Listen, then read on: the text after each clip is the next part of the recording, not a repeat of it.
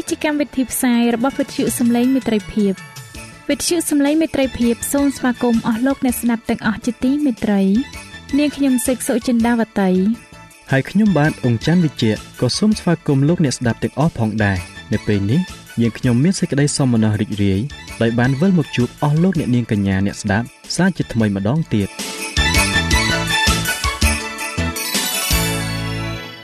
នាងខ្ញុំសេកសុចិន្តាវតី សូមជម្រាបជូនកម្មវិធីផ្សាយដែលមានជាបន្តបន្ទាប់ដូចតទៅនេតិជួបជាមួយព្រះបន្ទូលនេតិស្ពានជីវិត ចា៎លោកអ្នកស្ដាប់ជាទីមេត្រី នាងខ្ញុំសូមគោរពអញ្ជើញអស់លោកលោកស្រី អ្នកនាងកញ្ញាតាមដានស្ដាប់កម្មវិធីផ្សាយរបស់វិទ្យុយើងខ្ញុំដូចតទៅ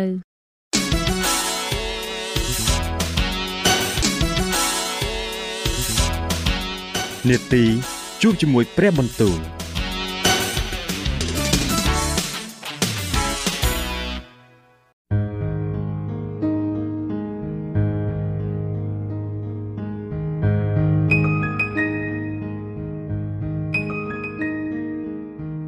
ចា៎អស់លោកអ្នកស្ដាប់ជាទីមេត្រី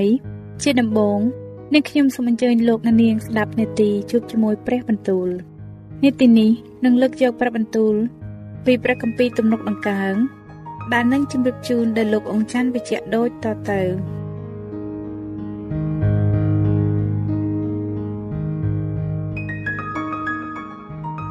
ព្រះគម្ពីរទំនុកដំកើងចំពុកទី4អោព្រះដីសេចក្តីសុចរិតរបស់ទូបង្គំអើយកាលណាទូបង្គំអំពាវនាវនោះសូមទ្រង់មានបន្ទូលឆ្លើយមកវេលាណាដែលទូបង្គំបានកើតមានសេចក្តីចង្អៀត នោះទ្រង់តែងបន្ធូរឲ្យបានទូលាយវិញដូច្នេះសូមមេត្តាប្រោះដល់ទូបង្គំ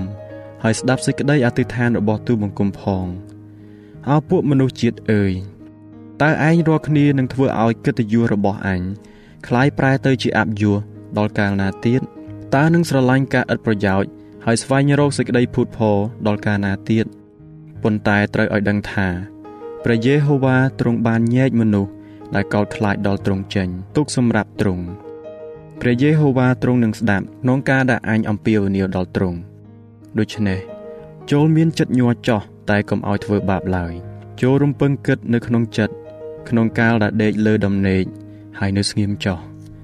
ចូលថ្វាយគ្រឿងបូជានៃសេចក្តីសុចរិតហើយទុកចិត្តដល់ព្រះយេហូវ៉ាចោះមានមនុស្សជាច្រើនដែលនិយាយថាតើអ្នកណានឹងសម្ដែងឲ្យយើងឃើញសេចក្តីល្អ អោព្រះយេហូវ៉ាអើយ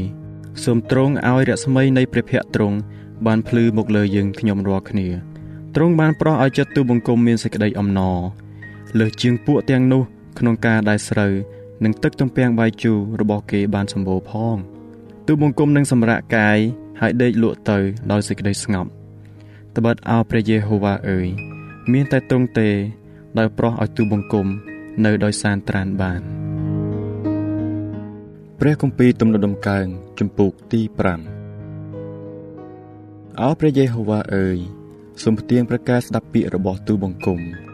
សូមពិចារណាការរំពឹងគិតរបស់ទូបង្គំអោបរមក្សត្រដ៏ជាព្រះនៃទូបង្គំអើយសូមប្រងស្ដាប់សំឡេងនៃពាក្យដែលទូលបង្គំអំពាវនាវ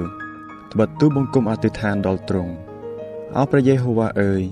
នៅពេលព្រឹកទ្រង់នឹងឮសំឡេងរបស់ទូលបង្គំ គឺនៅពេលព្រឹកទូលបង្គំនឹងទូលដល់ទ្រង់ដោយលំដាប់ព្រមទាំងរសារពេលចាំយាមផងត្បិតទ្រង់មិនមែនជាព្រះ ដែលសពព្រះハរតីនឹងសេចក្តីល្មើសទេឯសេចក្តីអាក្រក់នឹងនៅជាមួយនឹងទ្រង់មិនបាន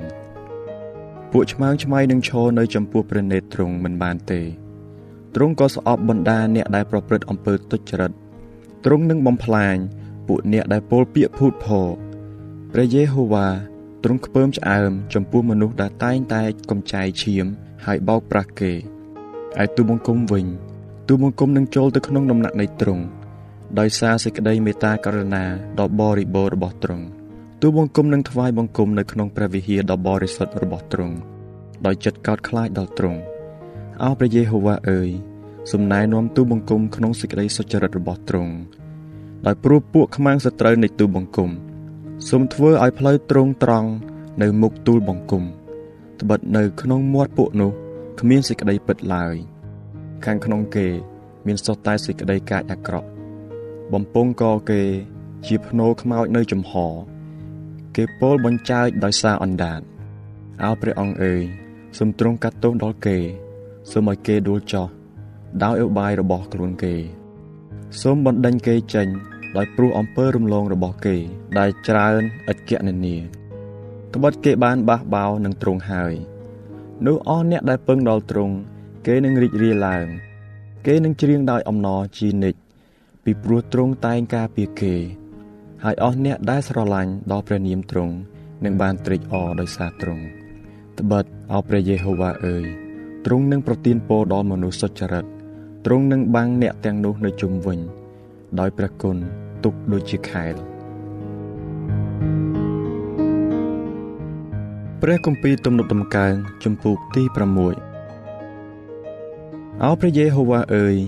សូមកុំបន្ទោសទូបង្គំក្នុងការដែលទ្រង់ខ្ញាល់ហើយកាលណាទ្រង់មានព្រះハរតីខូខើនោះសូមកុំផ្ចាញ់ផ្ចាលទូបង្គំឡើយអោព្រះយេហូវ៉ាអើយសូមប្រោះមេត្តាដល់ទូបង្គំផងត្បិតទូបង្គំខ្សោយអោព្រះយេហូវ៉ាអើយ សូមប្រោះទូបង្គំឲ្យជាត្បិតឆ្អឹងទូបង្គំញ័ររន្ធត់ព្រលឹងទូបង្គំក៏ថប់បារម្ភជាខ្លាំងដែរឯទ្រង់អោព្រះយេហូវ៉ាអើយតើដល់កាលណាអោព្រះយេហូវ៉ាអើយ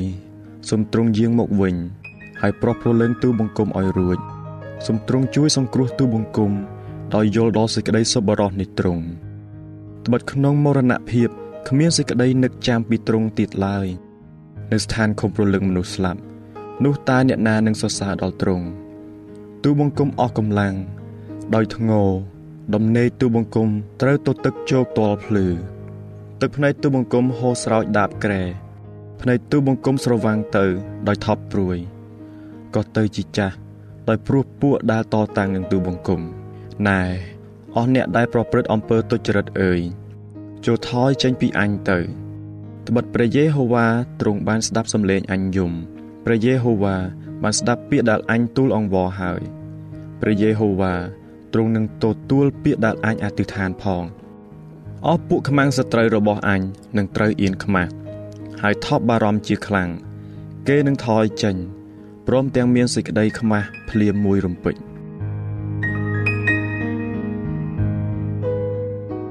ចា៎ប្រិយមិត្តអ្នកស្ដាប់ជាទីមេត្រី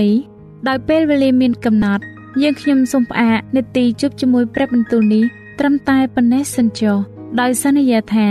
នឹងលើកយកនីតិនេះមកជម្រាបជូនជាបន្តទៀតនៅថ្ងៃច័ន្ទសប្តាហ៍ក្រោយ សូមអរគុណ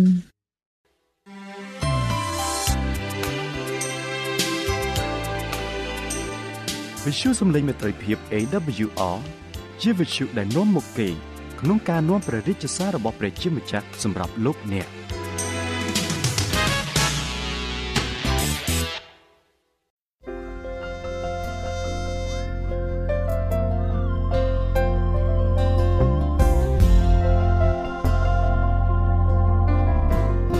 ចា៎ជាបន្តទៅទៀតនាងខ្ញុំសូមគោរពអញ្ជើញអស់លោកអ្នកតាមដានស្ដាប់នេតិ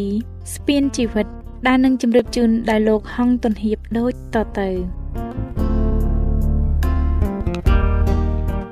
ខ្ញុំបាទសូមជម្រាបសួរអស់លោកអ្នកស្ដាប់ជាទីមេត្រី សូមឲ្យលោកអ្នកបានប្រកបដោយព្រះគុណនិងសេចក្តីសុខសាន្តពីព្រះវរបិតានៃយើង និងពីព្រះអម្ចាស់យេស៊ូវគ្រីស្ទខ្ញុំបាទមានអំណរណាស់ដែលបានវិលមកជួបលោកអ្នកនាងសាជាថ្មីទៀតនៅក្នុងនីតិស្ពានជីវិតនេះ បាទហើយនៅថ្ងៃនេះខ្ញុំបាទសូមលើកយកមេរៀនទី11ដែលនិយាយពីសារៈសំខាន់នៃទំនាក់ទំនងជាមួយព្រះ បាទតើយើងត្រូវធ្វើយ៉ាងណា ទើបយើងមានទំនាក់ទំនងជាមួយព្រះ ហើយការមានទំនាក់ទំនងជាមួយព្រះនោះមានអត្ថប្រយោជន៍អ្វីខ្លះដូច្នេះខ្ញុំបាទសូមគោរពអញ្ជើញលោកអ្នកតាមដានស្ដាប់មេរៀនទី11នេះជាមួយនឹងខ្ញុំបាទដូចតទៅ បាទសម្រាប់យើងជាកសិករវាជារឿងមួយដែលគួរឲ្យសប្បាយរីករាយនៅពេលដែលយើងដាំដើមននងហើយរងចាំមើលវាដុះលូតលាស់ឡើង ពេលវាចាប់ផ្ដើមឡើងទ្រើងហើយបែកសន្លឹកនោះក៏មានជាម្លប់ ចេញជាផ្កានិងមានផ្លែឡើងរនេងរណោងធ្វើឲ្យយើងនឹកឃើញដល់សម្លប្រហើរបងម្អមប៉ុន្តែចុះបើមានក្មេងណាម្នាក់យកកំបិតទៅកាត់ទងននងពីគល់ចេញតើននងទាំងនោះនឹងទៅជាយ៉ាងណា វានឹងងាប់មិនគ្រាន់តែតងននងមួយប៉ុណ្ណោះទេ គឺងាប់អស់ទាំងទ្រើងគ្មានមលប់ទៀតទេ ហើយការនឹកស្រមៃសម្លប្រហើបងម្អម ក៏បានត្រឹមតែស្រក់ទឹកមាត់ប៉ុណ្ណោះព្រះយេស៊ូវទ្រង់បានប្រើការប្រៀបធៀបអំពីវល់នេះ នៅក្នុងព្រះគម្ពីរយ៉ូហានជំពូកទី15ដើម្បីបង្ហាញនៅសារៈសំខាន់ក្នុងការនៅជាប់ស្និទ្ធរវាងយើងនិងទ្រង់ព្រះអង្គបានប្រៀបធៀបអង្គទ្រង់ផ្ទាល់ទៅនឹងគុលហើយយើងជាមេឃឬជាវល់រីឯផ្លែគឺជាបុគ្គលិកលក្ខណៈ អត្តចរិតរបស់គ្រីស្ទានដែលចេញពីជីវិតយើងនៅពេលដែលយើងនៅជាប់ជាមួយនឹងទ្រង់ប្រសិនបើទំនាក់ទំនងរវាងយើងនិងទ្រង់ត្រូវកាត់ផ្ដាច់ដោយអំពើបាបនោះយើងនឹងត្រូវស្លាប់សូមយើងពិនិត្យមើលទាំងអស់គ្នា នៅសារៈសំខាន់នៃការតាក់ទងយ៉ាងជិតស្និទ្ធជាមួយព្រះ និងរបៀបនៃការតាក់ទងយ៉ាងជិតស្និទ្ធនេះចំណុចទី1និយាយពីផលប្រយោជន៍នៃទំនាក់ទំនងជាមួយព្រះ ហើយចំណុចទី1កវិញ និយាយពីការធ្វើឲ្យមានសេចក្តីសង្ឃឹមព្រះយេស៊ូវទ្រង់មានបន្ទូលនៅក្នុងព្រះគម្ពីរយ៉ូហានជំពូកទី15ខ5ថាខ្ញុំជាគល់អ្នករាល់គ្នាជាខ្នែងអ្នកណាដែលនៅជាប់នឹងខ្ញុំ ហើយខ្ញុំនៅជាប់នឹងអ្នកនោះទើបនឹងបង្កើតផលឡើងជាច្រើនត្បិតបើដាច់ពីគល់ចេញនោះអ្នករាល់គ្នាពុំអាចនឹងធ្វើអ្វីបានទេ មានមនុស្សជាច្រើនដែលខំប្រឹងប្រែងធ្វើខ្លួនឲ្យคล้ายជាមនុស្សដែលអត់ធ្មត់ សប្បុរសដឹងខ្នាតចេះទប់ចិត្តប៉ុន្តែមិនអាចធ្វើបានឡើយព្រះយេស៊ូវបានបង្ហាញនៅអាចកំបាំងនៃជីវិត ដែលមនុស្សចង់បានខាងលើនេះដែលឲ្យយើងមានទំនាក់ទំនងកាន់តែជិតស្និទ្ធជាមួយនឹងទ្រង់ដូចជារុក្ខជាតិដូចជាទំពាំងបាយជូរឬដើមននោងជាដើម ដែលមានផលផ្លែលុះត្រាតែនៅជាប់នឹងគល់ដូច្នោះដែរបានន័យថាប្រសិនបើអ្នកចំណាយពេលអានព្រះគម្ពីរគិតពីព្រះយេស៊ូវនឹងឲ្យទ្រង់ដឹកនាំជីវិត នោះយើងនឹងបានដូចជាទ្រង់ដែរគឺមានចិត្តសប្បុរសអត់ធ្មត់និងមិនខ្វល់ខ្វាយពីជីវិតឡើយពេលនោះទំនាក់ទំនងរបស់លោកអ្នកនឹងព្រះអង្គក៏រឹតតែពោពេញដោយសេចក្តីស្រឡាញ់និងសុខសាន្តឡើងលោកអ្នកប្រហែលជាធ្លាប់បានឮរួចមកហើយអំពីក្រឹតវិន័យ10ប្រការរបស់ទ្រង់ប៉ុន្តែលោកអ្នកក៏ប្រហែលជាមានការពិបាកនឹងធ្វើតាមដែរសូមលោកអ្នកខំបង្កើតទំនាក់ទំនងជាមួយទ្រង់ចុះនោះទើបលោកអ្នកអាចនឹងគោរពតាមក្រឹតវិន័យរបស់ទ្រង់បាន។ បាទចំណុចទី1ខនិយាយពីការនាំមកនៅព្រះពរតើយើងត្រូវធ្វើយ៉ាងណាទើបបានព្រះពរមកអំពីព្រះព្រះយេស៊ូវមានបន្ទូលនៅក្នុងគម្ពីរយ៉ូហានជំពូក15ខ7ថាបើអ្នករាល់គ្នានៅជាប់នឹងខ្ញុំហើយពាក្យខ្ញុំនៅជាប់នឹងអ្នករាល់គ្នានោះចូលសូមអ្វីតាមតែប្រាថ្នាចុះសេចក្តីនោះនឹងបានសម្រេចដល់អ្នករាល់គ្នាជាមិនខាន។ ព្រះប្រៀបដូចជាឪពុកដែលចង់ឲ្យមកយើងនៅគ្រប់អ្វីអ្វីទាំងឡាយដែលយើងត្រូវការប៉ុន្តែទ្រង់ចង់ឲ្យយើងចូលទៅឯទ្រង់និងទូលសូមពីទ្រង់ជួនកាលយើងអាចនឹងសូមរបស់ពីអ្នកដែលយើងមិនដែលស្គាល់បានចុះទម្រាំបើព្រះអង្គដែលយើងស្គាល់ប្រតិនៃសេចក្តីស្រឡាញ់របស់ទ្រង់យ៉ាងច្បាស់ហើយដែលទ្រង់ជ្រាបនៅគ្រប់អ្វីអ្វីដែលអ្នកត្រូវការផងនោះតើមានអ្វីដែលយើងសូមទ្រង់មិនបាននោះបើនៅជាប់ជាមួយនឹងទ្រង់ នោះទ្រង់នឹងប្រទានមកយើងនៅសេចក្តីសុខសាន្តចំណេះវិជ្ជាទ្រព្យសម្បត្តិជាពិសេសជីវិតអកល ចំណុចទី1គោនិយាយពីការជួយមិនអោយនៅតែតោលឯកាទៀតឡើយនៅពេលដែលយើងស្គាល់ព្រះ យើងនឹងមានចិត្តសប្បាយដោយដឹងថាសេចក្តីស្រឡាញ់របស់ព្រះ មាននៅក្នុងចិត្តយើងទោះបីជានៅពេលដែលគ្រួសារមិត្តភ័ក្តិបានឃ្លាតឆ្ងាយឬបោះបង់យើងក្តី យើងហាក់ដូចជាមានអ្នកនៅជាមួយនិងជួយលើកទឹកចិត្តយើងជានិច្ចដូចជាព្រះគម្ពីរអេសាយជំពូកទី26ខ3បានសម្ដែងថាឯអ្នកណាដែលមានគំនិតជាប់តាមទ្រង់នោះទ្រង់នឹងថែរក្សាអ្នកនោះឲ្យមានសេចក្តីសុខពេញខ្នាតដោយព្រោះគេទុកចិត្តនឹងទ្រង់ចំណុចទី1ខនិយាយពីភាពរីករាយជាមួយព្រះ យើងបង្កើតទំនាក់ទំនងជាមួយព្រះ មិនមែនគ្រាន់តែដើម្បីផលប្រយោជន៍សម្រាប់ខ្លួនយើងផ្ទាល់ប៉ុណ្ណោះទេព្រោះព្រះទ្រង់បានបង្កើតយើងមក ដើម្បីនាំមកនៅសេចក្តីរីករាយដល់ព្រះអង្គផ្ទាល់ផងដែរទ្រង់រីករាយនឹងមើលយើងរៀនសូត្រនិងធំធាត់ទាំងខាងរាងកាយនិងប្រាជ្ញាព្រះអតីតទ្រង់តែងតែរីករាយចំពោះសេចក្តីស្រឡាញ់របស់យើង និងពាក្យពេចន៍ផ្អែមពីរសរបស់យើង ដោយដែលឪពុកម្ដាយរីករាយនឹងឃើញកូនចេះគួសមរៀនពូកែឬចេះនិយាយពាក្យពេចន៍ពីរសនិងមានសេចក្តីស្រឡាញ់និងប្រព្រឹត្តអំពើល្អនៅក្នុងសង្គមដូច្នោះដែរព្រះយេស៊ូវបានមានបន្ទូលនៅក្នុងព្រះគម្ពីរយ៉ូហានចំពុកទី14ខ23ថាបើអ្នកណាស្រឡាញ់ខ្ញុំ អ្នកនោះនឹងកាន់តាមពាក្យខ្ញុំនោះព្រះវរបិតាខ្ញុំនឹងស្រឡាញ់អ្នកនោះ ហើយយើងនឹងមកឯអ្នកនោះក៏នឹងតាំងទីលំនៅជាមួយដែរគឺយើងនឹងបានរីករាយជាមួយនឹងទ្រង់ជានិច្ចចំណុចទី1កោនិយាយពីការនាំមកនៅជីវិតអស់កលយូដាសជាសិស្សម្នាក់របស់ព្រះយេស៊ូវគឺជាគំរូមួយក្នុងព្រះគម្ពីរដែលនិយាយអំពីមនុស្សម្នាក់ជាសាវករបស់ព្រះយេស៊ូវហើយក្រោយមកបានអនុញ្ញាតឲ្យអំពើបាបនៃការលោភលន់ចូលមកបំបាយគាត់ពីព្រះយេស៊ូវរហូតបានខ្វាត់ទ្រង់ ការនេះក៏អាចកើតមានដល់អ្នកណា ដែលបំភ្លេចការអធិដ្ឋាននិងការសិក្សាព្រះបន្ទូលព្រះដែរបើលោកអ្នកធ្វើដូច្នោះនោះបានសេចក្តីថាលោកអ្នកបានកាត់ផ្ដាច់ដើមទំពាំងបាយជូរឬដើមននងពីគល់ដូច្នោះដែរហើយព្រះយេស៊ូវបានបញ្យល់នៅក្នុងព្រះគម្ពីរយ៉ូហានជំពូកទី15ខ6ថាបើអ្នកណាមិននៅជាប់នឹងខ្ញុំ អ្នកនោះត្រូវបោះចោលទៅខាងក្រៅហើយក៏ក្រៀមទៅដូចជាខ្នែងដែរ រួចគេប្រមូលបោះទៅក្នុងភ្លើងឆេះអស់ទៅពិតមែនហើយ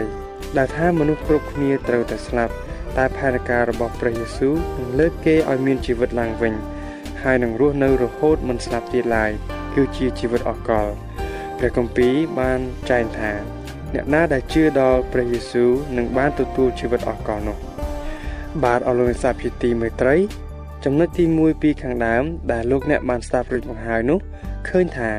ការរស់នៅជាប់ជាមួយនឹងព្រះនោះមានអត្ថប្រយោជន៍ច្រើនណាស់បាទហើយខ្ញុំបាទសូមសង្ខេបឡើងវិញ មានដូចជា ការធ្វើឲ្យមានសេចក្តីសង្ឃឹមការនាំមកនៅព្រះពរការជួយមិនឲ្យយើងនៅឯកាការនាំមកនៅភាពរីករាយជាមួយនឹងព្រះ ការនាំមកនៅជីវិតអកល និងអត្ថប្រយោជន៍ជាច្រើនទៀតដែលលោកអ្នកនឹងទទួលបាន នៅពេលដែលលោកអ្នកនៅជាប់ជាមួយនឹងទ្រង់ បាទជាបន្តទៅទៀតសូមលោកអ្នកស្ដាប់នៅចំណុចទី2វិញម្ដង ចំណុចទី2នេះនិយាយពីរបៀបធ្វើឲ្យទំនាក់ទំនងជាមួយនឹងទ្រង់បានរឹងមាំតើលោកអ្នកត្រូវធ្វើយ៉ាងណាខ្លះទើបមានទំនាក់ទំនងល្អនិងមាំមួនជាមួយនឹងទ្រង់នោះ ចំណុចទី2ការសិក្សាព្រះគម្ពីរព្រះគម្ពីរគឺជាអំណោយដ៏ពិសេសរបស់ព្រះ ចំពោះយើងប្រៀបដូចជាសម្បត្តិដ៏សំខាន់មួយពីទ្រង់ដែលជួយយើងឲ្យស្គាល់អំពី បុគ្គលិកលក្ខណៈនិងអំណាចរបស់ទ្រង់ចំពោះយើង នៅក្នុងព្រះគម្ពីរព្រះបានប្រាប់យើងអំពីរបៀបនៃការរស់នៅដែលទ្រង់ចង់ឲ្យយើងរស់នៅដូច្នេះការអានព្រះគម្ពីរគឺប្រៀបបាននឹងការស្ដាប់ការទូន្មានរបស់ឪពុកម្ដាយដែលល្អឥតខ្ចោះមួយព្រោះពាក្យពេចន៍ទាំងអស់ក្នុងនោះសុទ្ធតែជាពាក្យពិតនិងមានប្រយោជន៍ទាំងអស់សាវកពេត្រុសដែលបានរកឃើញថាព្រះបន្ទូលរបស់ព្រះយេស៊ូវ អាចផ្លាស់ប្ដូរចិត្តគាត់បាននោះ បាននិយាយនៅក្នុងព្រះគម្ពីរពេត្រុសទី2ជំពូកទី1ខ3ដល់ខ4ថាត្បិតព្រះចេស្តានៃព្រះបានផ្ដល់ឲ្យយើងរាល់គ្នា មានគ្រប់ទាំងអស់ខាងឯជីវិត និងសេចក្តីគោរពប្រតិបត្តិដល់ព្រះដោយយើងបានស្គាល់ព្រះអង្គដែលទ្រង់ហៅយើងរាល់គ្នាមកដោយសារសេរីល្អនិងសគុណរបស់ទ្រង់ដោយសារសេចក្តីទាំងនោះ ទ្រង់បានប្រទានសេចក្តីសន្យាដ៏ធំបំផុត ហើយវិសេសផងមកយើងរាល់គ្នា ដើម្បីឲ្យអ្នកទាំងអស់គ្នា បានចំណាយជានិស័យនៃព្រះ ដោយសារសេចក្តីសន្យានោះឯងដោយបានរួចពីសេចក្តីពុករលួយ នៅក្នុងលោកីនេះ ដែលកើតអំពីសេចក្តីប៉ងប្រាថ្នាលោកអ្នកនៅចាំទេថាការដែលព្រះបានបង្កើតលោកីទាំងមូលក្នុងរវាង6ថ្ងៃដោយគ្រាន់តែមានបន្ទូល ហើយព្រះគម្ពីរដែលជាព្រះបន្ទូលរបស់ព្រះក៏អាចបង្កើតសេចក្តីល្អនៅក្នុងចិត្តរបស់លោកអ្នកដែរសូមលោកអ្នកអានជាប្រចាំចុះនោះលោកអ្នកនឹងនៅជាប់ជាមួយនឹងព្រះ ហើយអំណាចទ្រង់ក៏នៅជាប់នឹងជីវិតលោកអ្នកដែរនៅពេលដែលលោកអ្នកបើកព្រះគម្ពីរសូមលោកអ្នកយាងព្រះវិញ្ញាណបរិសុទ្ធមកជួយពន្យល់លោកអ្នកព្រោះព្រះគម្ពីរជាសៀវភៅមួយដ៏ជ្រៅដែលយើងត្រូវការប្រាជ្ញាញាណរបស់ព្រះដើម្បីជួយឲ្យយើងបានយល់ តែសូមលោកអ្នកមានការទុកចិត្តខ្លួនឯងថាលោកអ្នកអាចយល់ព្រះបន្ទូលទ្រង់បានព្រោះព្រះអង្គបានប្រទានព្រះបន្ទូលនេះដល់អ្នកនិងចង់ឲ្យអ្នកយល់ទៀតផងសូមលោកអ្នកចាប់ផ្ដើមអាននៅគម្ពីរដែលលោកអ្នកចាប់អារម្មណ៍ដំបូងដូចជាព្រះគម្ពីរសុភាសិតព្រះគម្ពីរទំនុកដំកើងព្រះគម្ពីរលោកុបាតឬក៏ចាប់ផ្ដើមអានពីជីវិតព្រះយេស៊ូវនៅក្នុងព្រះគម្ពីរម៉ាថាយ ព្រះគម្ពីរម៉ាកុសព្រះគម្ពីរលូកានិងព្រះគម្ពីរយ៉ូហានជាដើមសូមលោកអ្នកអានហើយអានទៀតយ៉ាងយកចិត្តទុកដាក់នៅខនីមួយៗដោយគិតថាតើមានន័យយ៉ាងដូចម្តេចចំពោះលោកអ្នកព្រមទាំងសួរខ្លួនឯងថាតើព្រះចង់មានព្រះបន្ទូលមកលោកអ្នកយ៉ាងណាហើយសូមកុំភ្លេចថាពាក្យពេចន៍ដែលលោកអ្នកកំពុងអាននោះគឺជាព្រះបន្ទូលរបស់ព្រះសម្រាប់លោកអ្នកដែលពុហោរាបានសរសេរដោយសារប្រាជ្ញានៃព្រះវិញ្ញាណបរិសុទ្ធ លោកអ្នកគួរសរសេរខសំខាន់សំខាន់នៅក្នុងសៀវភៅដៃតូចមួយរបស់លោកអ្នកហើយសូមអានឲ្យបានញឹកញាប់សម្រាប់ជួយលើកទឹកចិត្តលោកអ្នកឬងាយស្រួលនឹងទន្ទិញឲ្យចាំមាត់ធ្វើដូច្នេះអាចជួយលោកអ្នកបាននៅពេលដែលលោកអ្នកជួបនឹងវិបត្តិឬបញ្ហាផ្សេងផ្សេង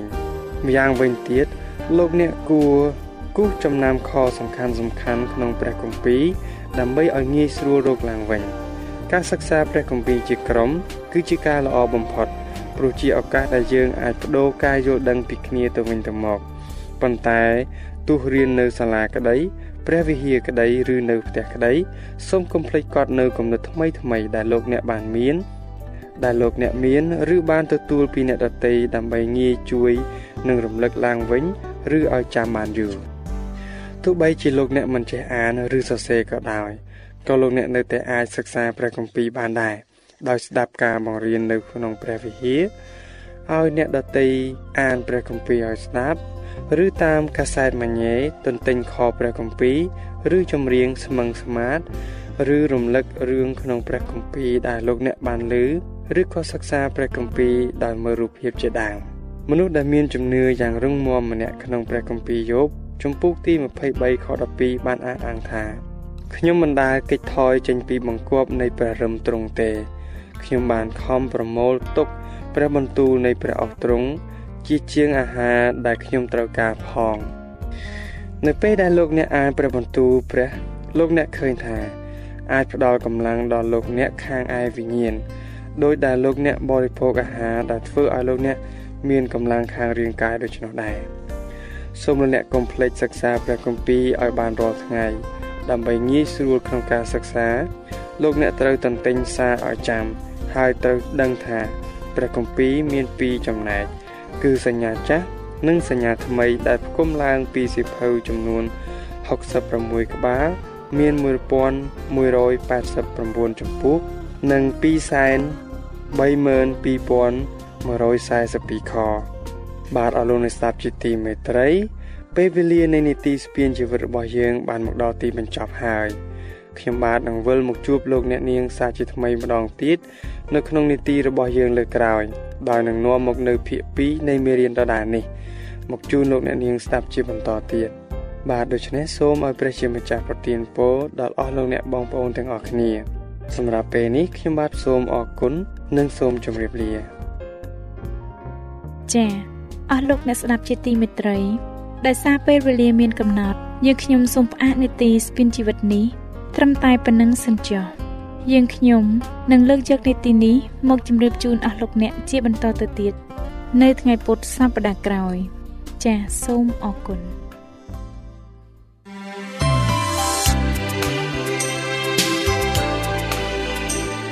វិទ្យុសំឡេងមេត្រីភាព AWR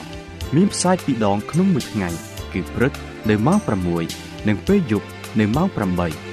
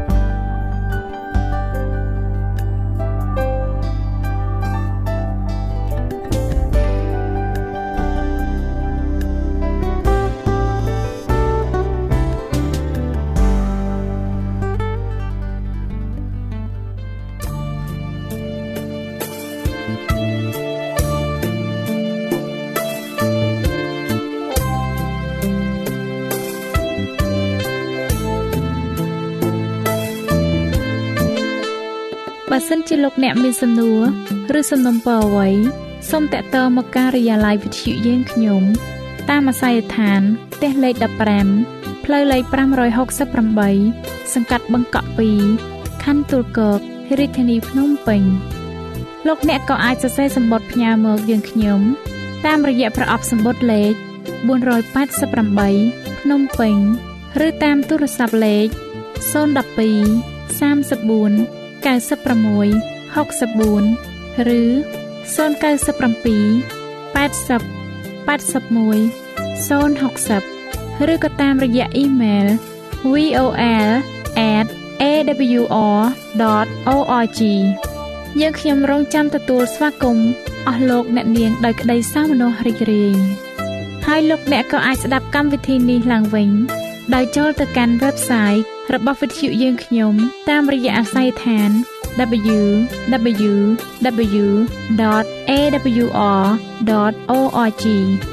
លោកអ្នកនាងកញ្ញាជាទីមេត្រី កម្មវិធីផ្សាយរបស់វិទ្យុសំឡេងមេត្រីភាពនៅពេលនេះសូមបញ្ចប់តែប៉ុណ្ណេះ